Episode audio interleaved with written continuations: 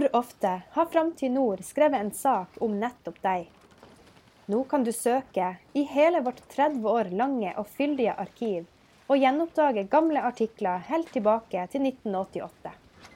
Gjør ditt søk på framtidnord.no i dag, eller i din e-avis-app på mobilen. Framtid i nord lokale nyheter i 30 år.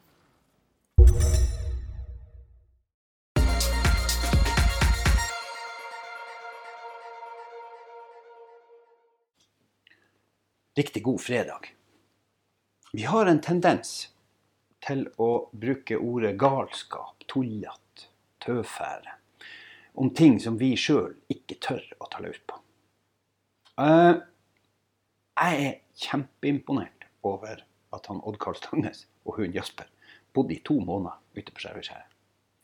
Jeg har aldri vært på land på Skjærvøyskjæret, men jeg har gått forbi der. Jeg har vært rundt der og fiska, og, og, jeg har faktisk også padla et stykke ifra, da, men, men rundt Engnes, og, og kjent sjøen og, og, de tunge dragene selv på nesten blanke stiller. Og da jeg hørte om prosjektene hos så tenkte jeg at det der, det kommer til å bli krevende. Det kommer til å bli svært vanskelig. Og jeg gikk så langt som å tenke at det der er farlig. Det der er et, et risikoprosjekt som, som jeg aldri hadde tort å begi meg ut på. Men galskap det er det når man ikke har en mulighet, en retrettmulighet, en, en tanke om egen sikkerhet. Og det hadde han hatt, Karl. Han hadde en god tanke om egen sikkerhet. Han hadde ordna seg nøkkel opp i fyrlakta, han hadde ordna klær og, og, beredskapsting der, og han hadde de nødvendige hjelpemidlene som gjorde at han Han hadde sågar en livlinje opp dit.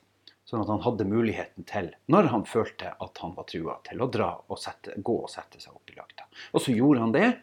Og så måtte samfunnet komme og hente han når det ble forhold for det. Og så kan man diskutere hvorvidt samfunnet skal redde folk som setter seg sjøl i en sånn fare. Selvfølgelig skal samfunnet gjøre det. Det syns jeg er innlysende. Vi gjør det i enhver sammenheng, så drar vi ut og henter folk. Uansett hvorfor de er der de er. Eh, men man kan gjerne ta diskusjon i ettertid om, om kost og sånn. Men, men, vi drar alltid og henter folk når de ber oss om det. Eh, men å gå så langt som å kalle prosjektet Hannes Oddkarl for galskap og tullete, det syns jeg blir drøyt.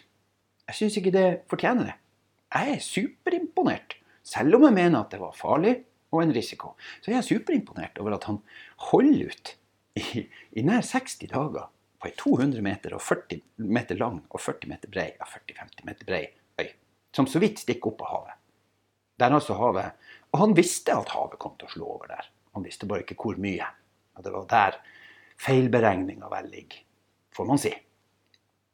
Og så tenker jeg at hvis, hvis han hadde holdt ut, eller hvis ikke hytta hadde blitt tatt, så hadde jo historien sett helt annerledes ut. Da hadde vi vært ganske mange som fikk feil, som hadde sittet med våre skjegg i postkassa.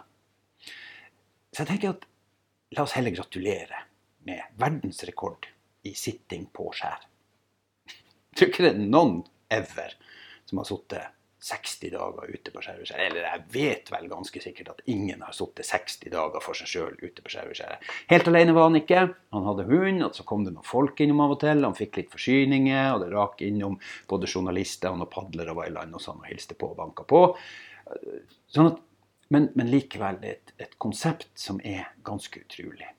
Og vi mennesker, Det er noen av oss mennesker som er sånn at vi søker mot risiko, mot ja, eller mot ensomhet når vi trenger å sortere tankene. Og så er vi veldig ulike. Jeg hadde aldri dratt ut på skjæret og sittet meg sånn som Odd Karl, fordi det, det er ikke meg i det hele tatt. Jeg hadde kanskje dratt på hytta. Eh, det er ganske øde og forlatt der òg. Eller jeg kunne ha dratt for meg sjøl på en ferietur, eller Ja, det er mange måter å stikke seg bort på. Men det her var altså hans måte å gjøre det på. Og vi, vi er noen menn, det er noen mennesker, ikke vi. Jeg har høydeskrekk og er redd fugler og i det hele tatt ikke noen mann som tar store sjanser. Nei, nei. Men det er noen mennesker som gjør det. Noen driver med fallskjermhopping,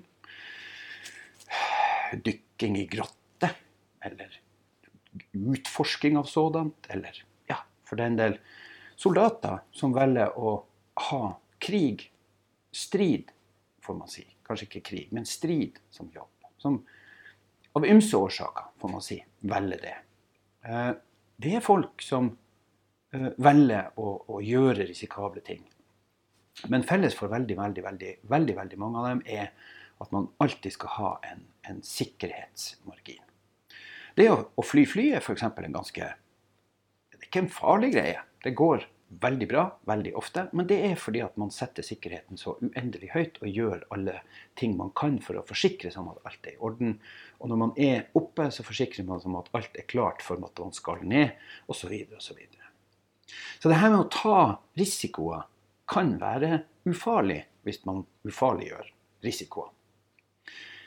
Derfor skal vi være litt forsiktige, vi som ikke tar risiko, med å stemple prosjekter som galskap og tøvete og tullete.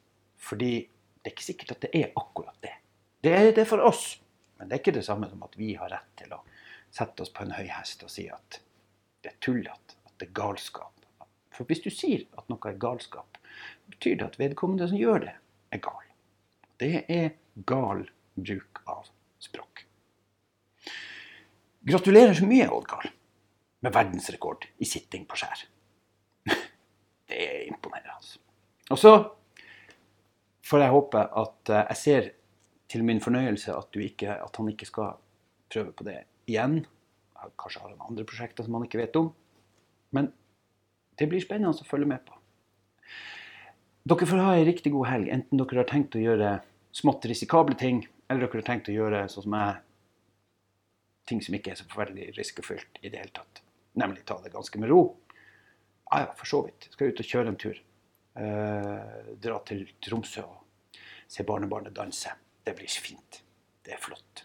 Jeg håper dere får ei fin helg med masse flotte ting som dere kan gjøre sammen. Og så høres vi. Ha det riktig godt. Far pent langs med veiene, og husk